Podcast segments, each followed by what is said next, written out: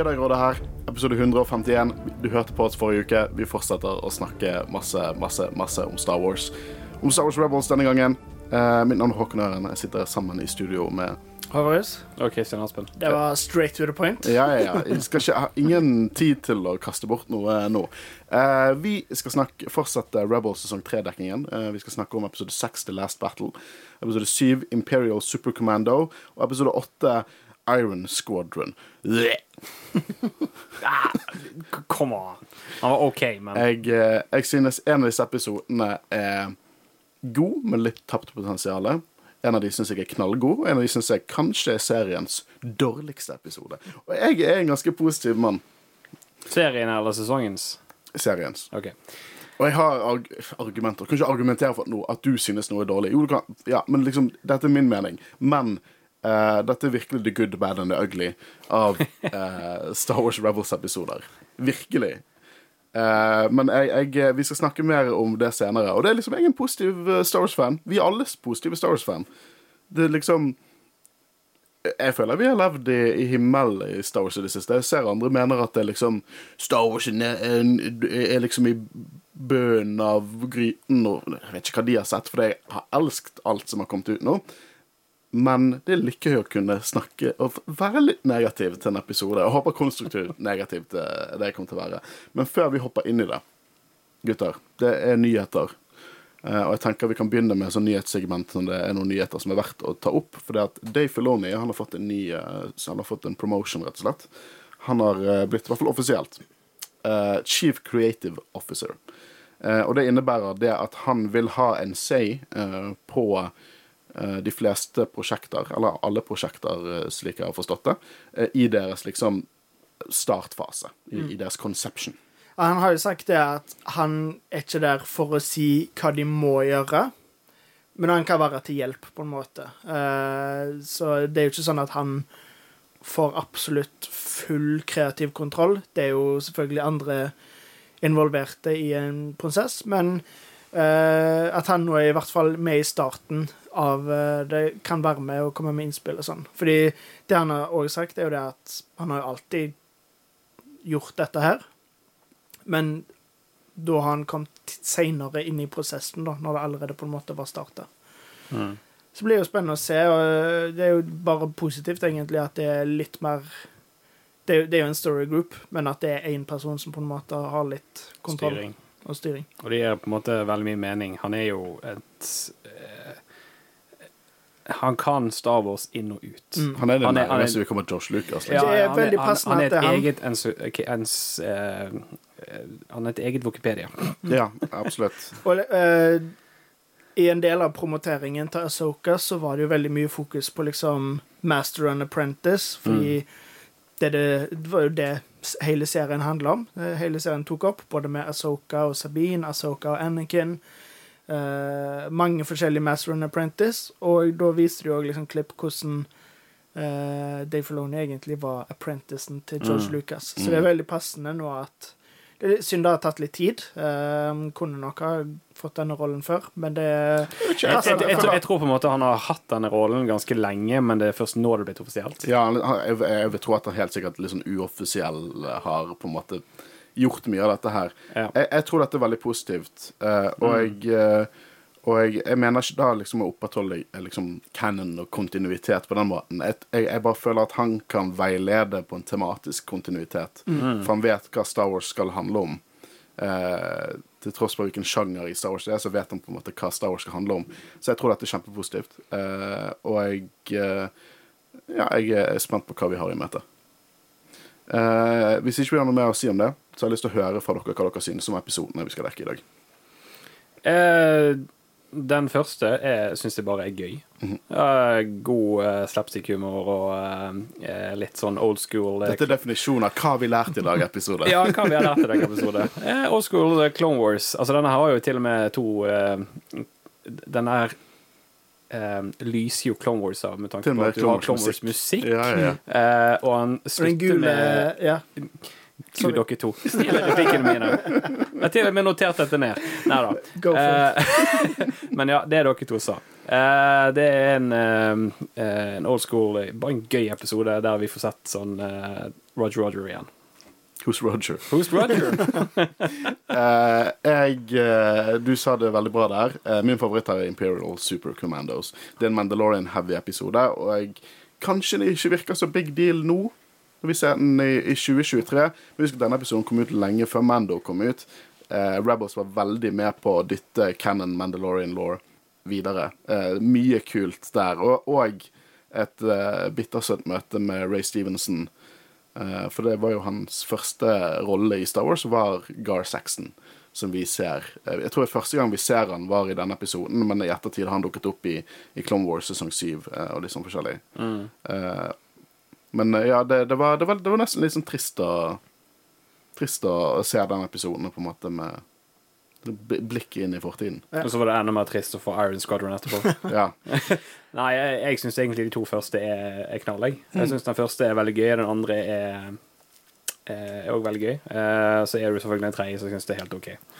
Hva syns du om den tredje, Håvard? Um, jeg hater den nok ikke like mye som deg, men det er nok eh, Definitivt den jeg liker minst av de, Tron er jo de der, da. tre. Ja, men hvorfor, hvorfor, hvorfor er hans nærvær av den altså, kvalitetsepisoden? det, hvis jeg skal trekke fram noe kult fra den episoden, så er det egentlig eh, eh, de scenene som er mellom Tron og uh, Admiral Constantine. Det, de de, de, de syns jeg altså, Tron tester han. Han uh, utfordrer han, han leke med han. Det synes Hele jeg, det, ti sekunder av episoden. Ja, men du må jo trekke frem det positive med episoden. Jeg føler at, jeg føler at de, de to skaper noe positivt ut av episoden. Eh, dere hadde ikke eh, sunget den tunen hvis dette var en ukesbasert serie. Nei, og og nå altså- skal vi dekke nyeste episoden av Star Wars Rebels, Iron Squadrons. Eller Squadron, ja.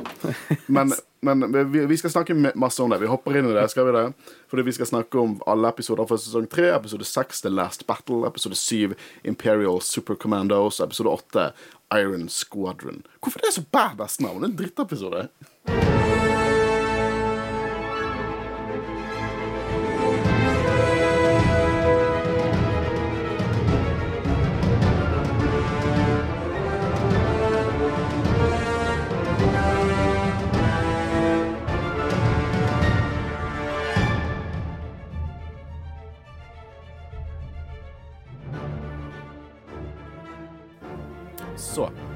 The Last Battle. En Rex-heavy-episode som involverer uh, eh, PTSD, rett og slett. PTSD.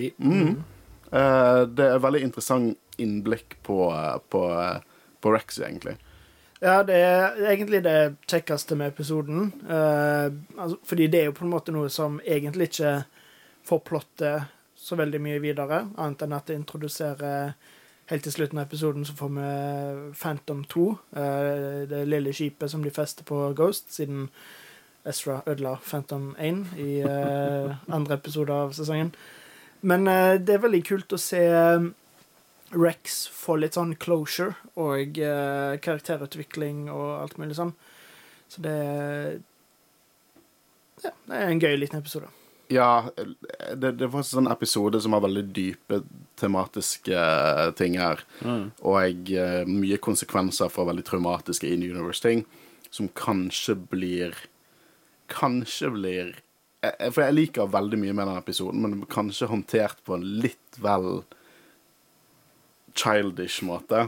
Og det er en barneserie. Det er ikke det jeg, det er, det, det er ikke det jeg sier, men det er litt sånn Jeg kommer tilbake til dette med barneserie i siste episode. La oss si at det, det ble håndtert litt enkelt, kanskje. Selv om jeg syns det er veldig gøy. Det hadde fått litt mer dybde hvis det f.eks. hadde vært i en live action-serie som Mandalorian eller noe sånt. Mm. hvis vi hadde fått eh, liksom egentlig omtrent akkurat samme plotline i en sånn serie, der de kunne ta det litt mer alvorlig, så ville du fått mye mer dybde og, og sånn, da. Men eh, Så jeg skjønner hva du mener med at det er litt sånn barnslig og Eh, det svarer på et av de største spørsmålene vi har. da Ja. Hva er Altså, mest ubrukelig av en battle jeg, eh, droid eller en stormtrooper? Det får vi svar på i denne episoden. Ja, og så tar jo Ezra fram for å på en måte eh, gjøre det klar over at det er ingen som faktisk vant til Clone Wars. Eh, for at det var ingen vinnende side. Det var bare The Empire som skulle i skyggen reise til makten og ta over galaksen. Men jeg følte de kind of var klar over dette. Dette er en sånn Jo da, episode men som ikke... la, la oss gå tilbake til det du sa i sted. Så kan jeg bare si, uh, ikke for å reklamere for Rema 1000 på noen som helst måte, men det enkleste er oftest det beste. ja, det, er, det er jo ganske godt uh, innad Star Wars også. Det er jo på en måte tankegangen til mange av uh, de som lager Star Wars. Men sånn eksistensen av The Bad Batch ødelegger litt for den episoden. For det er sånn You did it, Ezra! You won the Clone Wars! Men uansett, jeg, har det gøy med den episoden. Ja, for akkurat, se vekk ifra akkurat- det der. For jeg syns denne episoden bare er gøy å se på. Ja, den er, det er kul den action. Det er kul action i den. Uh, og det første er For det, det, det er på en måte The Kanan, Seb, Ezra og Rex og Chopper som er på um, en base, uh, eller en gammel uh, sånn kontrollskip fra separatistene som har, har falt ned der under klonekrigene, og skal skaffe protonbomber, så de mener de skal finne der. Uh, og eh, det er jo på en måte en Clone Wars-slagmark som gjør at på en måte Rex blir veldig tankefull, da. Eh, gjennom hele episoden så er han sånn kaller uh, Kanan sånn Yes, sir. Uh, general. Uh, commander. Uh, Kanan. Men jeg ser også hvordan Kanan har fått mye mer Han er mye mer roligere rundt Rex. Du ser en utvikling av deres forhold også. Ja, eh, så det er jo veldig gøy med den episoden, da, fordi eh, Kanan har jo hatt et ganske vanskelig Ampart. forhold til kloner, eh, av gode grunner. Så det er kjekt å se at han på en måte forstår litt mer, og Men, han skjønner hva Rex går gjennom når de er der òg, liksom. ja, og det ser du òg på en måte når eh, Rex på en måte snapper på Astra Ezra etter han på en måte ikke eh, gjør det han egentlig skal gjøre. Og så går jo Kanan bort til Ezra etterpå og sier det at det er ikke deg, eh, det er bare dette her han nå må eh, gjøre. Fordi at han, han føler på det. Men det er mange good, og- og- og- good guys i Star Wars-universet som fortjener denne kjeften der. Ja, ja, ja, men da òg merker du på en måte at Kane på en måte har eh, Forståelse. Forståelse. Mm. Men det er liksom, den kjeften fortjener Ezra. Så Og, og Luke alle disse jævla scruffy looking nerfurdersene på Rebel Alliance fortjener den kjeften der. For det, kan dere slutte å gjøre ting med magen? Dere klarer liksom å, å vinne by sheer luck. Eh, framfor å faktisk tenke litt over hva dere gjør. Så jeg synes ikke Rex var veldig sånn off-grid når han snappet til Ezra senere i episoden. Selv om Ezra på en måte fikk til det han skulle gjøre. Uh, men jeg, jeg syns det er mange fine scener her. Jeg, jeg liker veldig godt når de på en måte snakker litt om sånn Hvor mange droider har du drept? Og, og jeg, um, disse ser jo ikke så farlige ut, og da snapper Rex, liksom. Uh, men Rex sier jo det at uh, Han har sikkert drept tusen, titusenvis. I don't keep count like some of the boys. Dude, rustningen din er dekket av tallymarks. det må forklares mer, for det at hvis ikke det er kamper eller, eller merkbare drap av droider Jeg tenker det kanskje kan være tap av brødre. Det kan hende. Kan det Men, være- altså, men det kan jo òg Kan det være seire? Ja, eller antall Altså, det, det, kamper det, han har vært med i. Det kan være mye. Jeg bare føler eh, Men jeg, Jeg jeg, føler med Rex så hadde det passet karakteren hans at han ja, keep counts av skulle- brødrene sine. jeg skulle til å si at det hadde egentlig vært Ja. Da husker de på en måte Husker hva som er betalt i den krigen. ja. Uh, og jeg liker den headcanen. Det, det gir på en måte Rex enda mer enn dybde, egentlig. Um, de, eh, de finner jo disse protonbombene, og jeg blir tatt til fange, selvfølgelig. Og så er det den beste spøken. Roger, Roger. Herregud, who's Roger? og måten eh, Jeg har ikke stemmeskuespilleren i hodet, men han som spiller Ezra, eh, sier den, er bare så genuin og bare sånn Wait, who's Roger? jeg, jeg lo liksom Ofte med Star Wars, med Rebels, så er det liksom når man ler, så er det litt sånn du blåser ut hardt leing. Men her var det faktisk eh, hell latter. Jeg syns det var kjempevittig. Ja, altså flere steder i denne episoden, egentlig. Ja, jeg bare, Helt konge. Eh, jeg liker også veldig godt når på en måte Vi får se Kalani. Dere husker Kalani? Han var med i de episodene. Så Guerrera dukket opp i Clone Wars. Eh, samme eh, tactical droid som var med der. Han er kanskje liksom den mest ikoniske tactical droiden. Så det er samme droid, Samme eller droid. samme liksom, Samme klasse? Samme dude, liksom. Ah, ja. Eh, han, er, han er mye mer intrikat designet enn en vanlig tactical droid. Det er derfor han er sikkert er så besatt på på en måte finne ut hvem som er best. Mm. Det som er kult, er at jeg får inntrykk av at han er ganske intelligent. Det er ikke noe de bare sier, på en måte. Eh, selvfølgelig er det på en måte Det er noe sånn kidshow-shenanigans som gjør at på en måte han, han kan ikke være for intelligent, men han er veldig intelligent. Uh, og jeg, jeg liker sånn når, når Rex helt klart har PTSD og bare roper ut Cody. Det, det er på en måte det er igjen sånn, Nå er jo på en måte Clone Wars og Rebels så ikonisk blant Star Wars-fans, men for de som på en måte Det er på en måte en liten sånn beinkastet til de som kjenner til godt uh, Clone Wars, eller har sett Clone Wars, sånne scener som det der. Men han er en tactical droid. Han er klar over at krigen er over, uh, men det gir ikke helt mening for han hvordan separatistene tapte. Han har regnet ut det tallet. De sier vel at det var sånn 27 sjanse for at republikken kunne vinne. Uh, og det syns jeg er fascinerende. Det, det er veldig sånn Sånn som han japanske soldaten som var uh, på den øyen etter annen verdenskrig og fortsatt på en måte trodde krigen var i gang-vibes her. Uh, jeg syns det er veldig, veldig interessant. Det jeg tenkte litt over, da, er jo det at han sier at uh, fordi han ikke kunne skjønne at krigen var over, så, så liksom godtok han ikke avslåingsordren. Så er, jeg bare tenkte, syns det er litt rart at en drøyd bare kan nekte å godta ordrer og sånn. Eh, at han bare liksom sier 'nei, jeg har ikke lyst til å skru meg opp'. Vi kunne jo hatt en hel episode der vi drøftet om droid sentiency, liksom.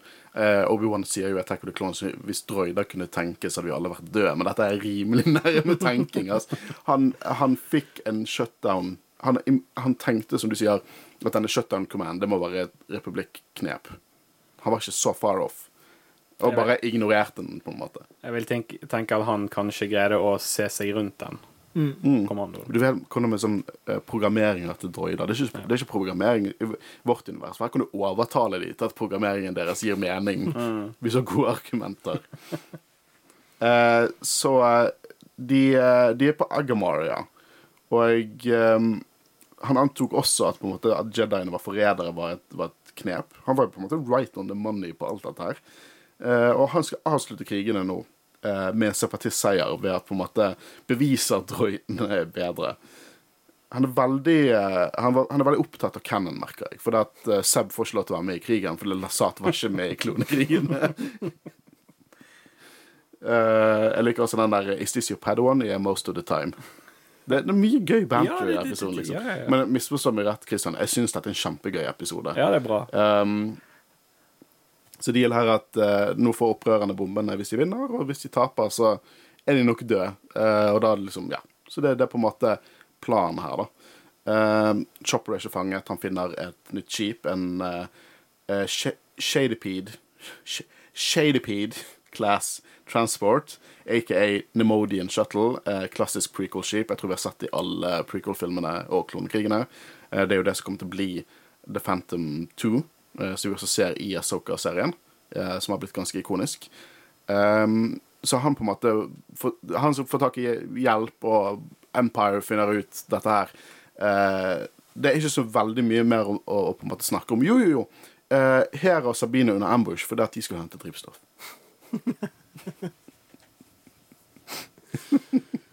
No comment. Uh, Callis og Price uh, har jo fått med seg at eh, noe har blitt interceptet fra Agamara på en måte sender topper. Jeg vet ikke hva jeg skal si her. Det er mye gøy action. Uh, vi har jo snakket litt om hvordan uh, Rex klikker litt på Ezra.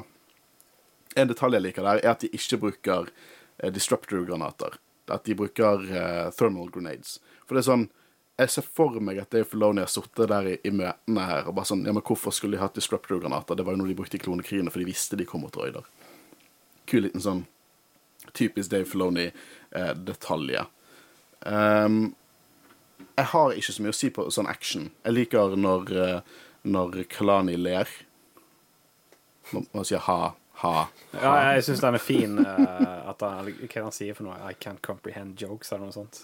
Ja, og så Jeg husker ikke helt det. men det var bare bare sier han ha-ha. Men det var, det var midt i tilfelle. Eh, det kommer jo Droidicast. Rex har glemt uh, boccia-skillsene sine, tydeligvis. Uh, som også er vittig, for det er den episoden Kalani først dukker opp i når de bruker mye boccia-kulene for å komme gjennom skjoldet til Droidicast.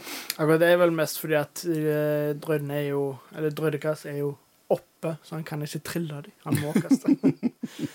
That, that's true. Uh, jeg liker når han Det, det er sånne ting, sant? sånn bakgrunnskunnskap man vet om Star Wars. Og dette her er en sånn som går tilbake til sånn når vi bare, man var på barneskole og bare visste sånn bonusfakta som ikke nødvendigvis sier ut i, eh, i eh, Så de sier ut i filmene. Sånn, Christian, hvordan vet vi at Lurtz heter Lurtz i Ringenes herre? Jeg vet ikke hvor du er nå. Jo, Ringenes herre! Fellowship of the Ring. Ja. Nei, men de sier at han heter Lurtz i boken. Nei, han er ikke med i boken. Han er en fiksjonell karakter. Er ikke han det? Nei, han er designet for Peter Jackson-filmene. Så igjen, hvordan vet du Dette, eh, dette her er researcha dypt. Hvordan visste du at han heter Lurtz? Jeg vet ikke. På grunn av leken.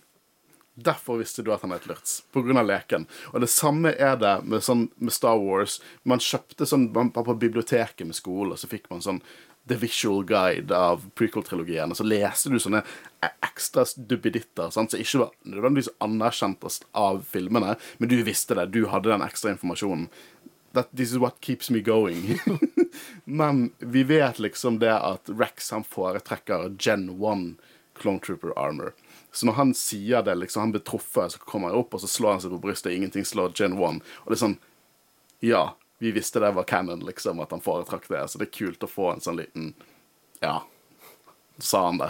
Det var en veldig lang forklaring på akkurat den lille detaljen der. Jeg visste ikke at han het Lurtz engang. Han visste at han eh, Jeg visste at han visste det.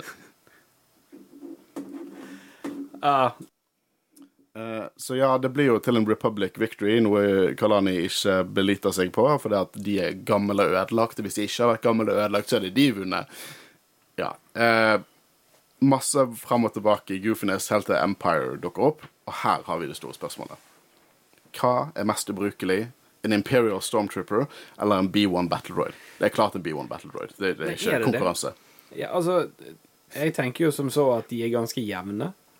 De, de, de, de kommer bort og hilser på dem, og så blir de skutt med en gang, liksom. Ja, de prøver å være friendly. Altså, de prøver liksom å ønske de vel Eller de skal jo eh, assesse eh, situasjonen, da. Eh, Se meg inn i øynene og si Se- at den, La oss uh, Fins det en eh, eh, La oss gå tilbake i episoder og se hvem som har best aim, da. Dette ser ut som en, eh, en bonusepisode. Ja, Hvem som har best aim? Det er faktisk et vanskelig spørsmål.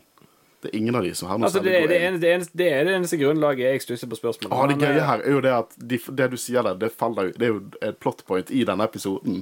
For de har så dårlig aim, og Kalani anerkjenner det. Så de, de må skyte på Jediene, så Jediene kan blaste liksom eh, boltene tilbake igjen på protonbombene som ruller mot 8080s. Eh, og jeg, det er jo her SV driver og overtaler Kalani sin programmering. At du vet, Republikken er The Empire, eh, så det er deres fiender. Og så sier han sånn OK, det gir mening. Nå er jeg omprogrammert.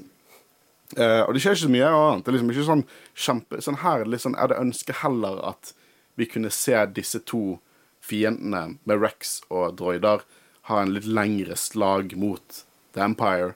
Det er kanskje det jeg hadde foretrukket litt. Det, hadde vært litt kult som en sånn stor versus match. Vi har sett nok av droider og kloner slåss mot hverandre. da, måtte de ha gjort det om til en uh, double feature. Ja, enig. En two-parter. Men en, de, hvis de hadde gjort den om til en two-parter, så tror jeg hadde, hadde, jeg tror jeg hadde likt episoden hakket bedre. Det er mulig. Uh, og de bruker liksom The Shuttle til å komme seg Da, unna. da kunne på en måte episoden ha avsluttet med uh, deres eh, krangel, for å si det sånn, og så eh, The Empire landet på slutten.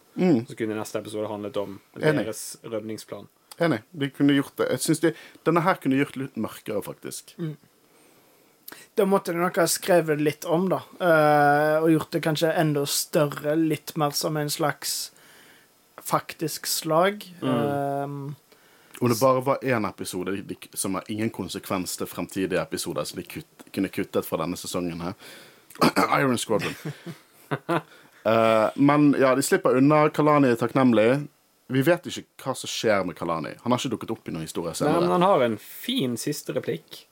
Uh, dere har uh, omtrent under 1% sjanse for å vinne denne her kampen mot eh, Oppløftende. Imperiet. Oppløftende. Opp, oppløftende. Men Kalani hadde vært replikk. kult å sette i live action. Altså. Om han har dukket opp som en sånn warlord med battle droids, Han var dritfett. han sitter han han, sikkert på en eller annen strand med sånne glass med olje eller noe sånt, og bare nyter han, han, han, han er på denne her eh, planeten som Andor eh, ferierte på.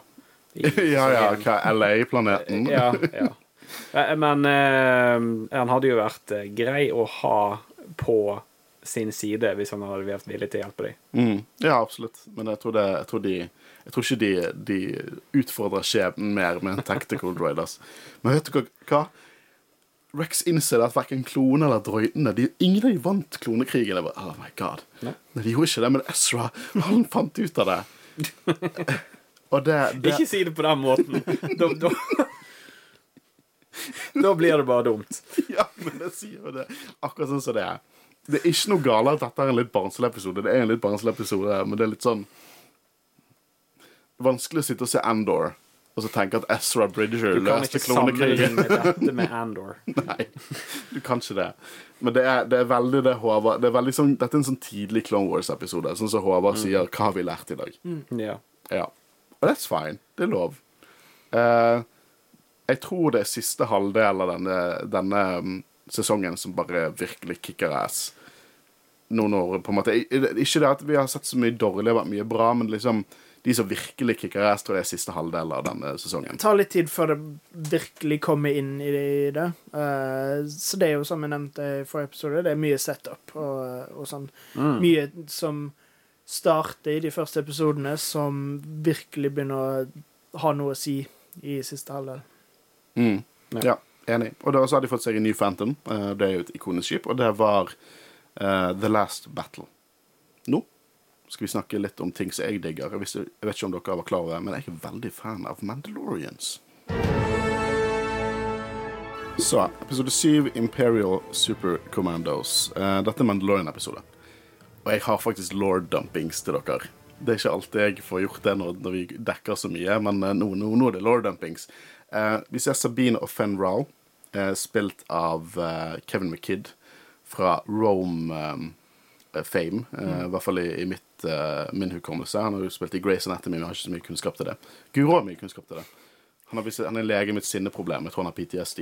Jeg føler Det må jo være derfor Ray Stevenson fikk rollen som Gar Saxon. Definitivt. Lucius Verenus og Titus Polo fra Rome. Det er, og her spiller begge Mandalorians med litt sånn nemesis. Uh, de er best buds i Rome, da. Eller de blir påtvunget best buds. Uh, det er en fantastisk serie. Gå og se den. En av de første store rollene til Ray Stevenson uh, er som Titus Polo. Det er der jeg på en måte ble skikkelig kjent med han. Så den er verdt å se. Det er to sesonger ut av den. Eh, det ble, den ble konkludert, så absolutt verdt å se. Men de sitter og spiller et Mandalorian-spill som heter uh, Kubikad. Kubicad. Hva er Kubikad, Håkon? Takk for at du spurte. Eh, jeg har faktisk svaret. Eh, så Kubikad er et Mandalorian-spill som eh, regnes til å være så røft at uh, I hvert fall i Legends regnes det til å være så røft at mange Mandalorianser tillater ikke non-Mandos å, å spille det. For det er for røft. Nå sitter de og spiller hologramversjon, men i Legends eh, så var det beskrevet som at det var med fire ekte kniver. Og meningen er at du skal på en måte spidde motstanderen sin kube i sånn kubesystem. Det er visst noe strategispill. Jeg liker det at, eh, at kubene ser ut som dark, dark Saber. Eller knivene ser ut som The Dark Saber, eh, håndtaket der. Eh, men dette var et spill som var først introdusert i Star Wars Legacy of the Force-boken Sacrifice av eh, Karen Travis. Eh, og hvis du er fan av Mandalorians og ikke vet hvem Karen Travis er, så bør du vite det. For Karen Travis er rett og slett skaperen av det meste som er kult av Mandalorians. Hun var med på å, og skrive bl.a. Republic Commando-bøkene, og gikk veldig inn på Mandalorians og egentlig eh, dikterte hva som ble moderne Mandalorian-law. Og mye av dette, veldig mye av dette, er det som på en måte er Mandalorians i dag. Um, så hun fortjener egentlig mye mer heder og ære enn hun nødvendigvis har fått. Det bør være et navn som folk skjønner igjen. Karen Travis. Uh, Roe vinner, da, uh, han, men han er fanget. Uh, og hans protectors er liksom beordret til å gi de fri tilgang. Og jeg lurer litt sånn på, på hva som skjer her. Jeg, jeg skal ikke begynne på hele stikken om at uh, opprørerne er the bad guys. Men, men hele denne avtalen deres minner veldig mye om gissel og blackmail. Ja, Vi kan jo bare recappe litt, siden det var jo i sesong to. To. Eh, fordi da er det jo en En, en sånn uh, space-rute, er? Ja, gjennom Concord Dawn eh, og så The Mandalorian Protectors, som er på en måte Ja, og Rebels vil bruke den, men de får ikke lov, og da tar de han til fange. Og da får de bruke han. Så ja, du har helt rett, det er gissel. Ja, og det, det nesten liksom plager meg hvordan de sier dette. Og vi har en avtale. Han er i chains! avtale? Det er ikke rart det, det er rart at han faktisk sitter der og har lyst til å spille et, et spill med dem. Selvfølgelig er han hostile mot dem. Hva har de gjort for han? Um, han sier jo det at eh, Jeg liker Fen Rao er bare dritkul. Jeg syns han er dritfet. En dritfett karakter som bare skriker Mandalorian. Han er på en måte opptatt av tradisjon. Han er jævlig sta, men han har på en måte en ære. Han, kan, han tillater seg sjøl å bli motbevist. Og jeg liker hvordan han sånn Han er så ærerik og stoic og prinsippfast at han sånn han kan fornærme folk uten å helt vite det. Han bare sånn Vet du hva, vi kunne jobbet godt sammen hvis ikke du var en jævla forræder. Eh, og han, han, han tar jo det og, og mener at Sabine er en forræder fordi at hun er en del av klan Wisla. Og klan Wisla eh, var jo et problem eh, rundt klonekrigene med Pre-Wisla og Death Watch. Men Sabine sin mor, Ursa Wren, kjempet jo for eh, Boketan eh, mot liksom Death Watch, eller det som var Death Watch, som hadde blitt på en måte Moldalorians. Så de har på en måte kind of bevist seg sjøl som ikke Som på en måte redeemed, men han holder De forrædet oss én gang, da holder vi på det. Eh, vi kan jo gå litt inn på Mandalorian Protectors. Jeg snakket litt om de eh, forrige gang vi snakket om Fun Rau. Eh, de er jo et Legends-konsept. Eh, de er the most baddest of the most baddest Mandoer. Um, hvis det er noen der ute som kjenner til Warhammer 40 000 eh, Ironisk nok så minner de om Death Watch fra Warhammer 40 000. Der er det også noe som heter Death Watch. Der de beste av de beste går sammen. Eh, fra alle ulike chapters går sammen på en måte og danner sin eh, midlertidig til noen tar det permanent. Midlertidig chapter, på en måte. En elitegruppe av de beste soldatene. For det I Mandalorian Protectors får de inn de beste krigerne for alle klanene. Så det er ikke en klan, det er mer en gruppe med elitekrigere. Men om jeg skulle ikke visst det i denne episoden, for alle er døde.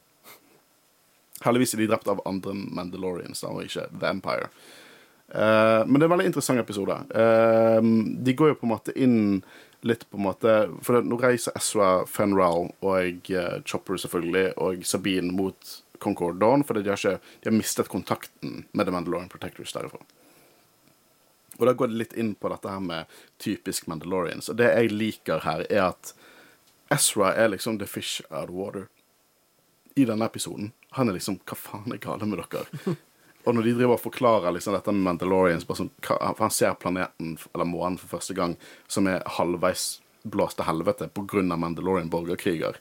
Eh, og eh, Kevin McKidd som Fen Rowell bare det er så kult hvordan han snakker om hvordan Mandalorians har vært her lenge før opprørerne og The Empire, og de kommer til å være her lenge etter. Mm. Jeg skulle nesten foreshadowing til Mando-serien. Han er syk. Få han inn i live action, you pussies! Jeg håper òg de drar til den planeten i live action, fordi det ser så fett ut med på en måte Jeg antar det er bomber, eller liksom et våpen som har gjort det. Uh, men i hvert fall planeten Det er med nevene siden de er badass. men i hvert fall når planeten liksom er helt sprengt, sånn at du ser Den er bokstavelig talt på en måte delt i to, og det er bare et krater, og uh, Ja, nei, det er vanskelig å forklare, men det bare ser utrolig kult ut, og det hadde vært kjekt å se det i live action. Men det er òg ganske fascinerende med liksom Mando-kultur og uh, uh, Får litt sånn inntrykk av, over resten av Star Wars-universet òg, da, på en måte Planeter og alt mulig sånn. Fordi Ezra er jo veldig sånn Han skjønner ikke helt Hvorfor, hvorfor slåss dere mot hverandre? Uh, Jævla hippie. Men, men, det er jo liksom Fordi liksom, Altså, det er mye krig i Star Wars, men det er på en måte Altså, det er jo i navnet Star Wars, men uh, som regel er det jo på en måte mot andre.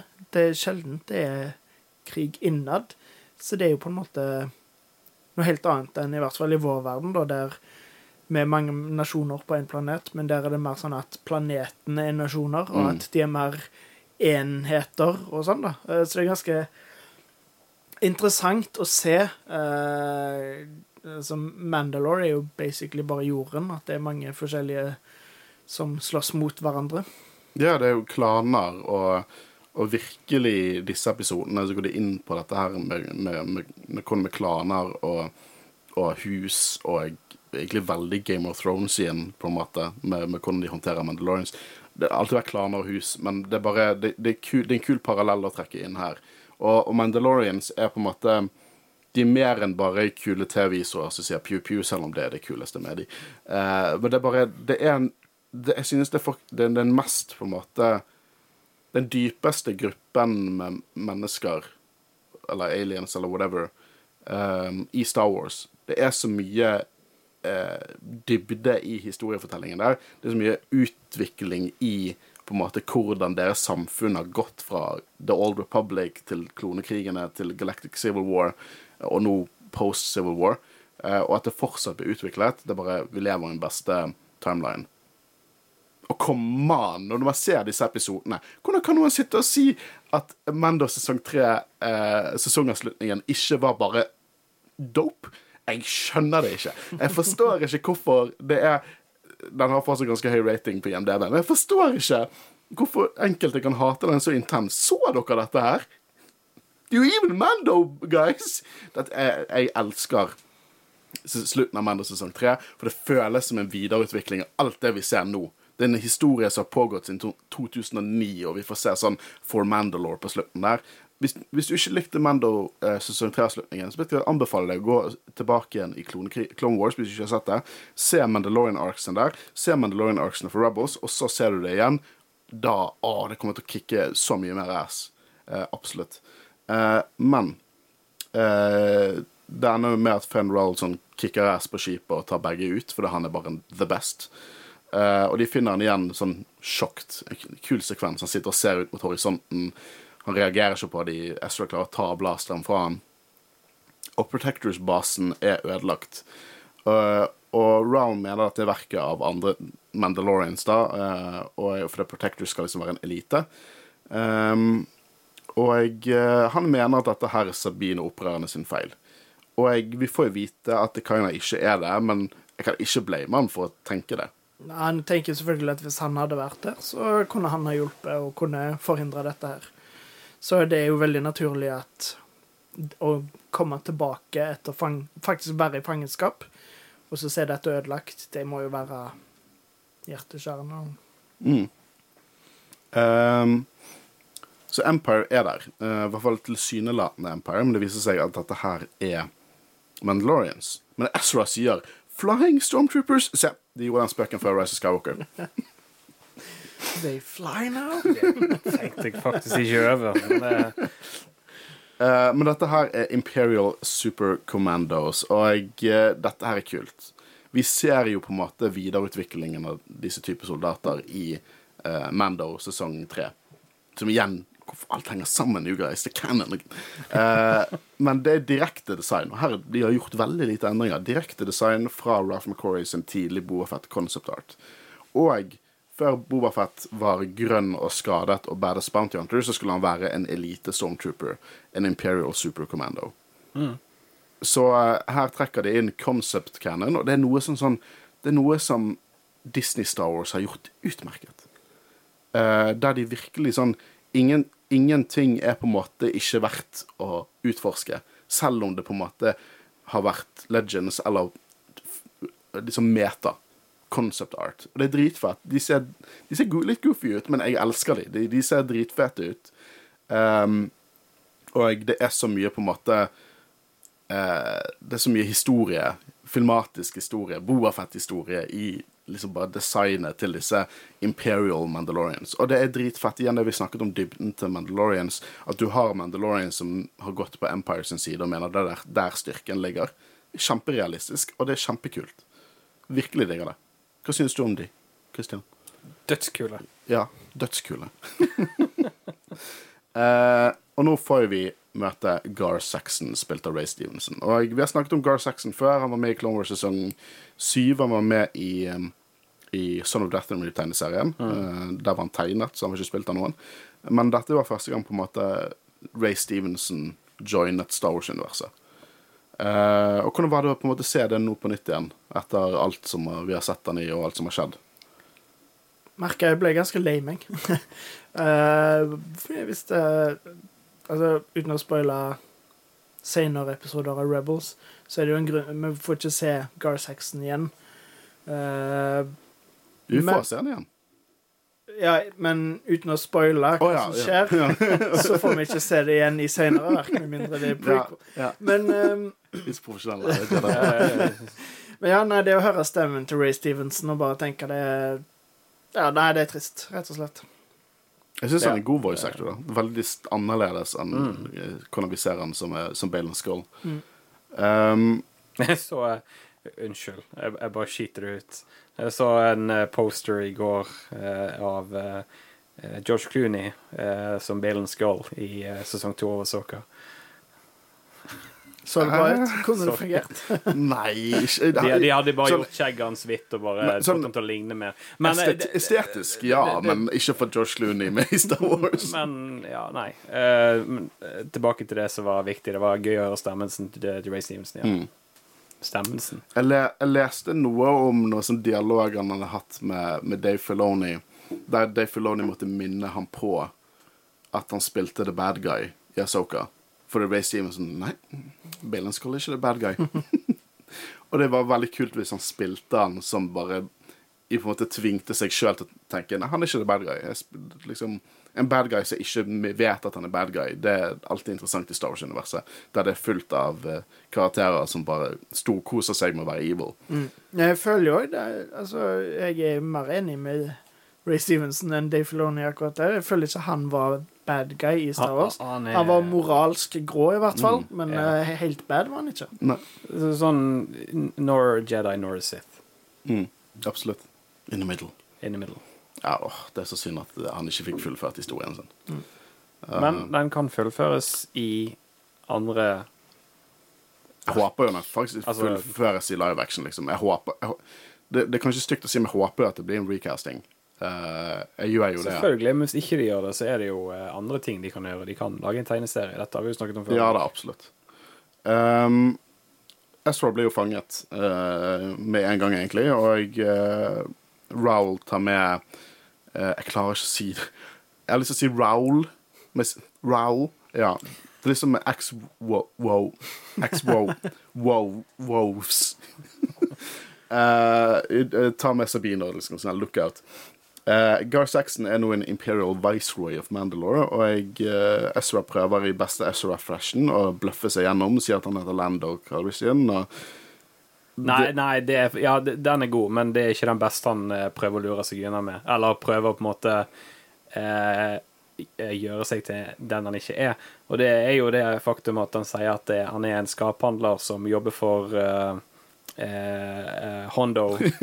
Eh, He'll vouch for me. He'll vouch for me. Noe som faktisk jeg tror, hvis de hadde tatt kontakt med Hondo, så hadde han sagt Oh yeah, he's my best boy. Ja, definitivt. definitivt. Så den syns jeg er bedre. Hondo Men- har ikke stilt spørsmål. Han nei, bare- han- nei, han hadde bare sagt selvfølgelig. Og så etterpå Men, så eh, hadde han ringt og spurt ja. om penger.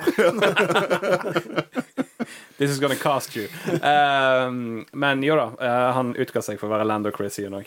Eh, men det ender med at de på en måte eh, truer med target practicing with your droid. Det er jo da, da eh, Ezra ikke kan by seg på å, å på en måte flytte vekk eh, hånden hans når han skyter, og da finner han ut Unnskyld deg, OK, men da er du mye mer verdifull. ja, ja, han er glad i Chopper, det skal være glad i. Jeg syns det er viktig når, når Raoul på en måte sier eh, liksom og Ezra, han er en pawn. De er ment å be sacrificed. Han er en Jedi. Foreløpig han er én av to Én En av tre force-sensitive eh, på en måte krigere i hele opprøreralliansen. Det er ikke en pawn. Hvis ikke det er en løper, minst, så vet ikke jeg. Um, men her får vi et innblikk av at, at um, Jeg tror jeg kaller han fan, jeg. Her blir inntrykk av at fan på en måte har virkelig sånn nemesis-forhold til Gar Saxon, og, og det har jo egentlig Gar Saxon også, fordi at eh, han eh, hadde håpet å, å på en måte lokke Fenn her. Og, eh, og eh, for, for på en måte avsluttet Mandalorian Protectors for godt. Um, og det som er litt kult her, er jo det at uh, senere i episoden så forhør, klarer de å overhøre det at Gar Saxon og de hadde full kontroll på at opprørerne fløy gjennom uh, Concord Dawn, eh, og at han brukte det som på en måte en, en mulighet til å på en måte ta ut Protectors og opprørerne. Eller whatever. Poenget der er at Fenn innser det at det er ikke opprørerne sin feil at uh, de ble tatt ut. Det hadde skjedd. Ja, uansett. og hvis han faktisk hadde vært der, så ville han mest sannsynlig blitt drept selv. Ja. Uh, så han Han er litt sta. Han går ikke helt uh, på, på opprørerne sin side, men han på en måte han, han, han slipper litt på, på, på skjoldet der. I hvert fall i forhold til Sabine. Uh, jeg vet ikke om det er så mye annet er Det mye action nå. Det er når de på en måte prøver å komme seg eh, unna. Uh, Sabine får seg endelig en, en jetpack, som er kult. Eh, og jeg eh, Jeg vet ikke, det er mye flyging. Det er mye Jeg flying. liker når eh, de har redda Ezra og uh, sier 'kom, vi må gå til skipet'. Fenrow er der. Så bare, og så flyr Fenrow vekk. Ja, riktig. og det, det er sånn typ Som Du forventer jo alltid i Star Wars når noen flyr vekk, at det er sånn 'Å, de løfter oss.' Nei da, de har ikke gjort det. Men Fenrow, han er litt sånn eh, Jeg tror jeg Why shouldn't I? Eh, han flyr vekk på et tidspunkt, helt til han på en måte husker sin ære igjen. Uh, la oss snakke litt om jetpacks. Uh, fordi at um, jeg har sånn jeg, jeg liker ikke helt hvordan jetpacks fungerer generelt i Star Wars. Jeg kjøper ikke det. Jeg, for jeg, jeg, jeg spilte jo Star Wars Bounty Hunter, sånn, det Attack of the Clones-spillet fra sånn 2002. Det spillet kjøres helt jævlig, men jeg kan det som min egen lomme. Klarer å runde det på tre timer. Det er da du spiller som eh, Jango Fett og eh, liksom Legends prequel-historie om han. Eh, og i det spillet så fungerte jetpack mer som en sånn jump pack. Korte avstander. Så hver gang jeg ser Mandalorians bruke det som om det var en speeder, så bare fungerer ikke det helt for meg. Jeg, kjøper det ikke. Jeg kjøper The Force, jeg kjøper ikke de jetpackene klarer å bære de så langt. Eh, det er kanskje det er meg problem, men det er en tanke jeg alltid sitter med når jeg ser Mandalorians fly. Men eh, vi ser det jo fly Altså, det er jo ganske langt, men det er ikke så langt. for I live action. Ja, nei, men altså, Hero det er jo et godt stykke, men det er på en måte fortsatt relativt kort avstand. Eh, Det er ikke sånn at de kommer seg rundt hele planeten. Og du ser jo det i Mandalorian. Eh, Det var vel første episode Sesong tre. Ja, Der går de jo tom for drivstoff og så og kan ja, ikke reise så langt. for jeg skal til å si Det kommer jo veldig an på hvor mye de, eh, liter de bruker på milen. Hør på guttene. Du har kommet så lang vei siden Last Jedi. Ja, nei, jeg bare tenker altså, Er det 0,1, 0,2, 0,3, 0,4? liksom? Altså, bilen min vi bruker 0,6 på mila, cirka. Så jetpacken, hvis de bruker 0,1, så kan det være at de kan fly ganske langt før de tok tom for drivstoff. Ja, det, Ja. Det, var, det er så absurd å høre deg snakke om drivstoff. Og det er Mandalorian Tech. De, de er flinke. Ja, de, vet hva de ja, de vet hva de gjør. De gjorde det litt mer Jeg regner jo med at de til og med har en reservetank på den uh, rustningen Det kan sin. godt hende. Hvem vet? Selv om det som er litt Det jeg ikke helt kjøper, er at uh, de bare fester det med en magnet på ryggen, og allikevel klarer å holde seg fast og fly med det. Jeg vet ikke om jeg mer. Men, uh, men det er liksom de, de, på, Hvis jeg må drøfte med meg sjøl, så er det også sånn det, det hadde sikkert ikke krevd like mye skill å bare hoppe enn å faktisk styre den. Og hvordan sånn Mandalorian sesong 1 introduserte det som en, på en måte nesten som en martial art med The Rising Phoenix. Det, er liksom Styrer de så mye, da? Bare går ikke Lener. Går, går det ikke den retningen de lener seg? Jo, det er liksom en ride. Så det, det er ikke ofte du svinger en ride, du på en måte lener. Altså Når jeg tenker styring, så hadde de hatt sånn to sånne joysticks på siden, så de Det hadde ikke sett like kult ut. Nei, det hadde ikke det. Hvem vet, kanskje de har noen sånne interface-greier i, i hjelmene med øynene. Uh, men det er på en måte det klimaktiske her er jo uh, Ja, jeg må bare si um, Når de på en måte har de cornered, så tar Jeg tror det er før de begynner å fly rundt omkring. Jeg synes det er jævlig vittig med det lille autoritetsstuntet Gar Saxon gjør. For da kommer de gående liksom badass. Han i rød rustning og de andre Imperial Supercommandosene. Og så tar han et lite hopp. Han kommer ikke vel Han kommer et par meter foran soldatene sine, men han tar sånn autoritetshopp. Bare for å vise at han, han, han skal ikke du kødde med. Eh, det er jo på en måte litt mer eh, klimaktisk når han snakker med Sabine om moren da, og sier på en måte det at, eh, at hvis du ikke hadde For det, han mener jo hun også er en forræder. fordi at hun, Det får vi vite mer om senere. Opprører for, Nei, Empire-forræder der. Og at hvis hun hadde vært litt, skjerpet, så kunne hun gått med denne her hvite rustningen. Og hun svarer jo selvfølgelig den er ikke, jeg liker litt mer farge i min Men kom an, Sabines rustning er mye kulere enn deres hvite rustninger. Det, det hadde jeg tenkt hvis jeg var Sabine.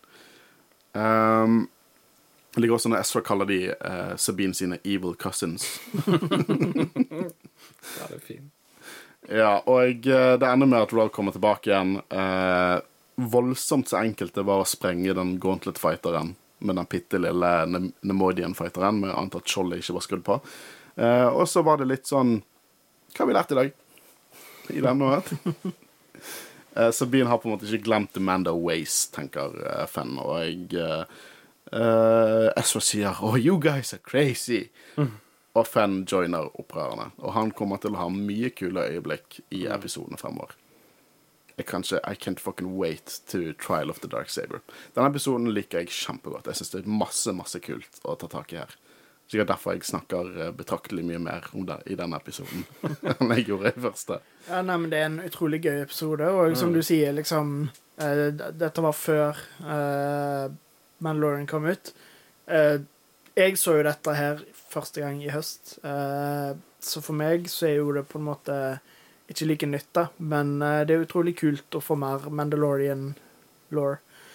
Eh, og eh, ikke bare law, men òg karakterer som er forskjellige og bra skrevet. De, det er mye Som du sa, mye dybde. Det er ja, mye nyanser. Det er kjempekult. Ja, det, det, fordi at jeg, eh, Dette er et kidshow. Dette er fortsatt et kidshow med denne episoden. Men det er på en måte Nå er det sånn dette er for alle. For unger er ikke dumme. De er ikke dumme. Sånn, Du kan lage en enkel historie og ikke gjøre den dum. Uh, noe de burde uh, tatt med seg eh, når de uh, lagde neste episode. For vi skal også snakke da om episode 8, Iron Squadron. Episode 8, Iron Squadron. Ja, det er nå eh, Martin Gooney og Juni som kaster eh, kasser på Light Freighters i troen om at de ødelegger Star Destroyers. Det er nevøen til kaptein Sato. Han er rimelig ubrukelig. Uh, som Seb sier, it's a ship full of Ezras, og jeg er veldig enig. Uh, Bortsett fra at Ezra er den mest modne av alle på de skipene. Det er fullt av kids. Uh, det viser hvorfor, hvorfor de gangene jeg syns opprørerne bare ikke er kule. For så mye de risikerer på å redde denne drittungen på dette skipet, som gjør ting bare fordi at Oh, I'm a cool teenager. Men det er fordi han er en nepo-baby. Ja, han er Nepo-baby. Dette er Nepo-baby i Star Wars.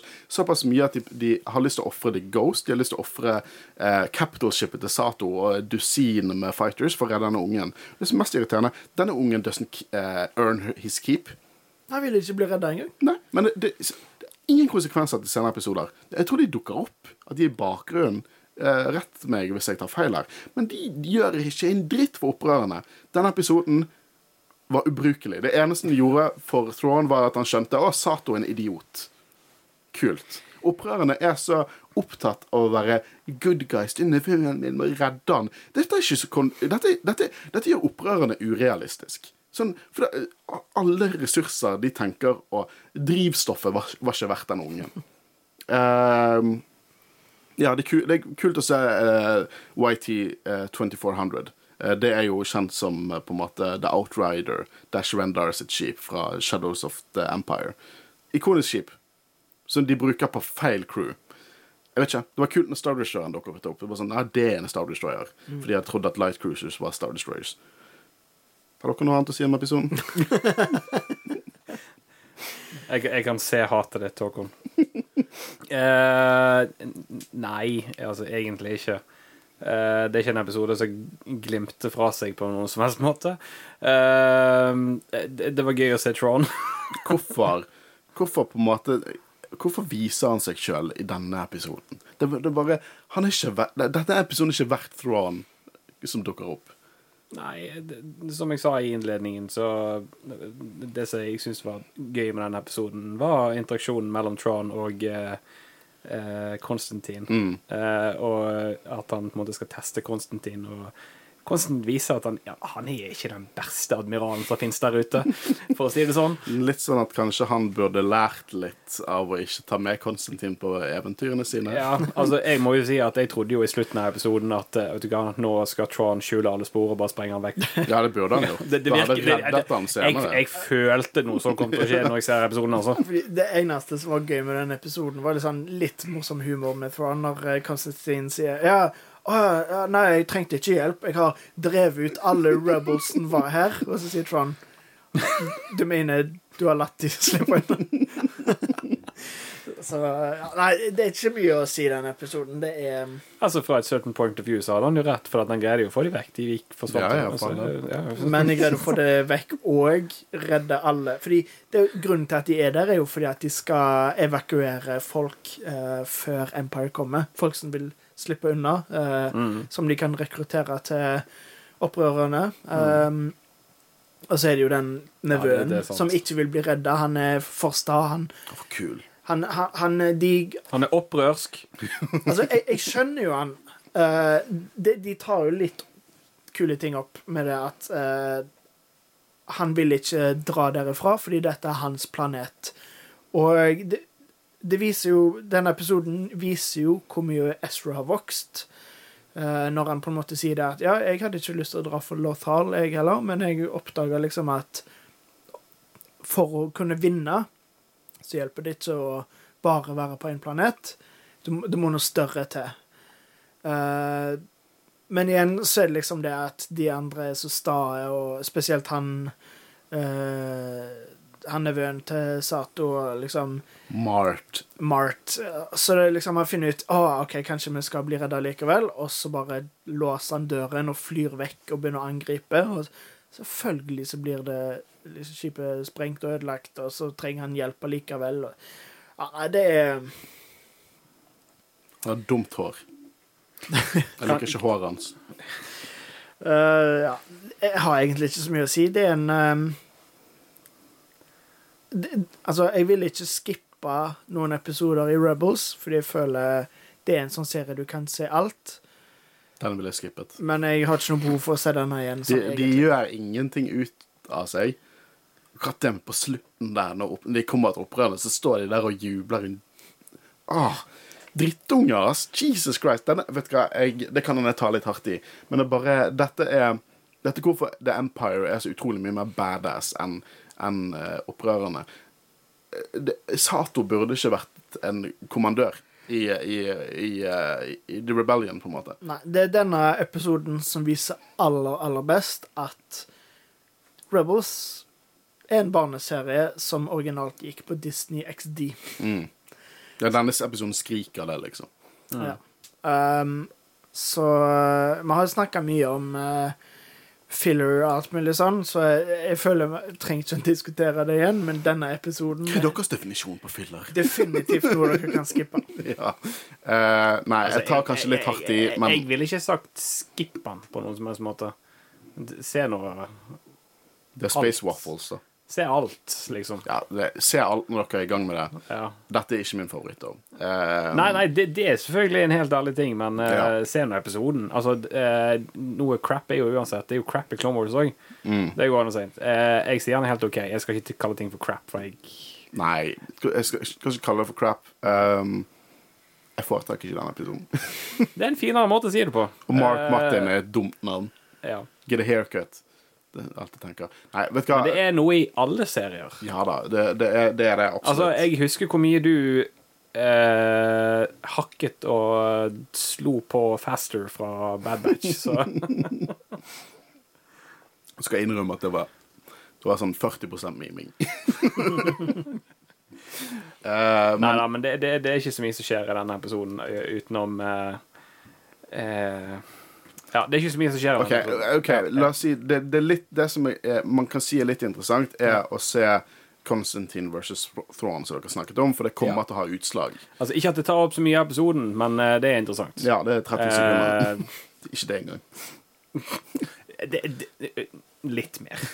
Nei, det er Er Hei. så kort?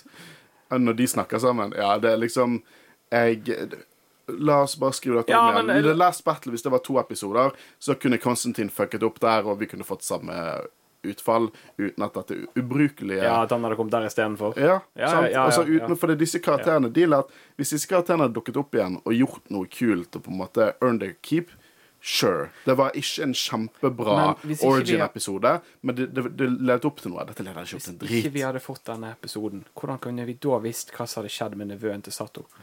Jeg trengte ikke å vite det, altså. Nei, dette, dette er sånn Og det, det, det, kyniske meg, og det kanskje jeg faller litt inn på det der at eh, jeg liksom Å, Star Wars skal være kult og voksent. Det, ikke, altså, det også kan være, men det ikke alltid er. Det er som for tolvåringene i alle oss. Men det er bare Dette er sånn Opprørerne bare suger av og til. Det er så jævlig kjedelig av og til. Og dette er sånn episode av Opprørerne bare. Ikke ta de vanskelige valgene, liksom. Det er derfor takk pris for Rogue One og Andor, som viser liksom det at faen, opprørerne de, de, de er faktisk opptatt av å liksom kjempe en krig her. Samtidig så viser jo òg på en måte litt den liksom eh, Hvis vi ikke gjør dette her, hva kjemper vi egentlig for? Hvis vi ikke kan ta sånne liksom, Hvis vi ikke kan redde folk, hvorfor slåss vi? Hva, hvorfor er vi Hvordan er vi bedre enn Empire? Liksom sånne ting. Ja, Boy Scout har jeg føler jeg ikke viser det bra nok. Det, det, er Nei, liksom, nei, men det, men det, det, det, det er jo litt av Det kan nok være et budskap. Mm, det kan hende at det er det de prøver på. det er nok det de prøver på, men der igjen syns jeg at de kunne gjort det annerledes. Og heller gjort en konflikt med at det var noen som gikk for å redde de, an- og, og heller hatt noen overordnete. Liksom At Sato dukker opp i liksom La oss Bare la oss tenke på dette som dette var vårt liksom, faktisk hendelse som skjedde. Sato tar med et capital ship. Det, det er en stor ressurs. Det er et capital ship, liksom. Det en cruiser. eh, Korvett. Eh, og jeg tar med den. Alt mannskapet som er på den korvetten, inkludert fighters og kanskje sin i sin celle den mest verdifulle squadron, for å redde én unge som ikke engang vil bli reddet. Han, han, han, han potensielt offre- eh, kan ofre livet til alle de den selen kan bli ubrukelig pga. dette. Liksom den, den, den selen kan gå, falle ut av hele konflikten pga. dette valget. Og eh, så tidlig under liksom, den galaktiske borgerkrigen så er det i seg sjøl en, eh, en trussel for hele liksom Hele opplegget, hele alliansen. Ja, jeg, ser den. Eh, på en måte Jeg vet ikke om det kan forsvares på denne måten, da, men det kan jo være at han gjorde det uten å tenke seg om fordi at det var en nevøen hans. Ja, men det, han gjorde, det- han, det- det det, var, liksom det, det det var jo på en måte det han gjorde. Eh, Ja, og det, det på en måte tilsier at han, han er et svakt ledd i opprøreralliansen. Jeg har aldri hørt mer ut som en Imperial sympathizer enn nå. Det hadde kanskje gjort episoden bedre om det ikke var Sato, men om det på en måte Altså, Si det var Ezra som Og at det var ikke Det var et lite side missions. Maigito, var det det det var på? eller noe sånt? Maigito, Dette planeten. Nei, ikke den eh, Eller var det? Jeg husker ikke. Ja, uansett, var. eh, si det var på Lothal istedenfor, og det Ja, var liksom ja. sånn uh, fordi der er jo Empire ganske store nå. De har ganske stor tilstedeværelse. Det er en grunn til at de ikke lenger er på Lothal. Se, det hadde vært en gammel venn av Ezra, og det hadde på en måte kunne hatt akkurat samme historien, men mye mindre, og liksom sånn som du sier med det med Sato, sånn at Si at Ezra hadde eh, ikke fulgt ordre. At altså, ordren var Nei, han ville ikke bli redda. Da redder man ikke, og de hadde dratt. Men Ezra liksom tenkte nei, jeg må gjøre det. Så hadde han dratt sammen med liksom, Sabine eller sånt, og gjort noe på den måten. Jeg, jeg, jeg vet hvordan de kunne gjort dette og fortsatt inkludert Sato og alt det der. Du gjør at Sato og Ezra har en buddycop-ting der de går inn, For det er at Sato sine hender er tied. Han kan ikke bruke ressurser på dette.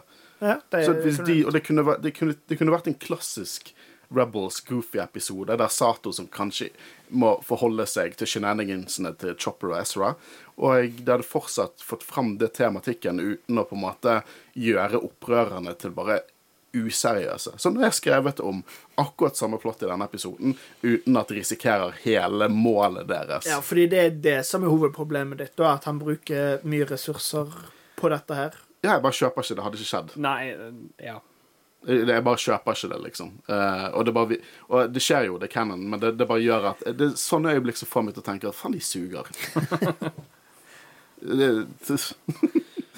Men eh, vet, Ja, nei, vi er vel jeg, skal eh, ikke, jeg skal ikke harke for mye på det. Jeg skal nei, ikke vi, vi, kan, vi kan vel egentlig bare si at dette her er ikke vår favorittepisode. Nei. nei.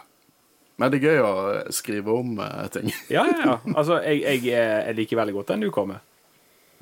Ikke Men- min. Altså, Håvard, unnskyld. Jeg peker her i studio, sånn at folk som hører på oss, vet hvem jeg peker på.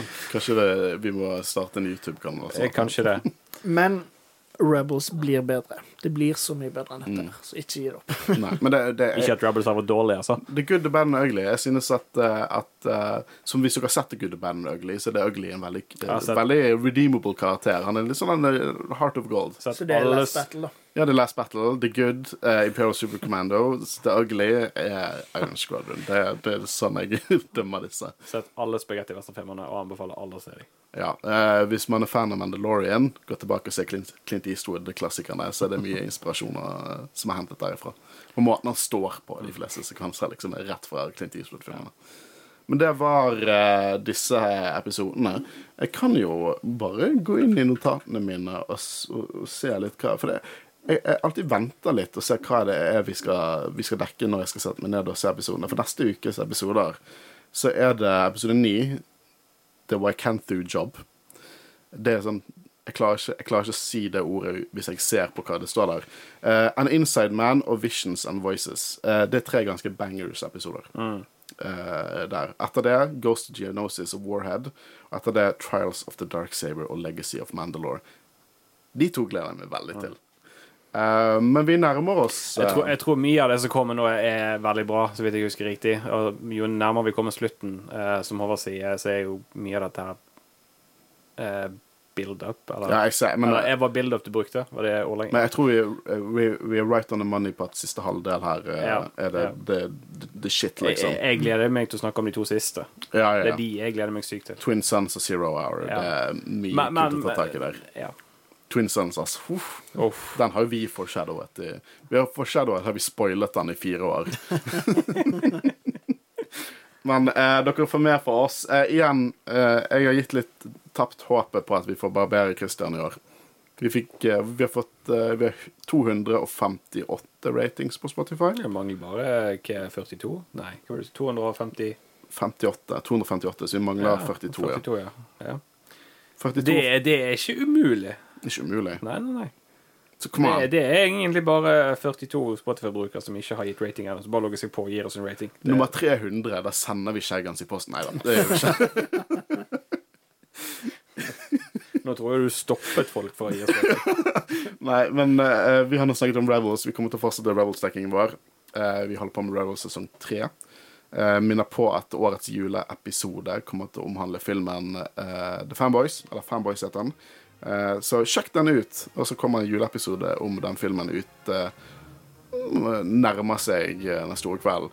Eh, mitt navn er Håkon Øren. Jeg har sittet i studio sammen med Havris. Og Christian Aspen. Vi snakkes neste uke. Ha det bra. Ha det bra.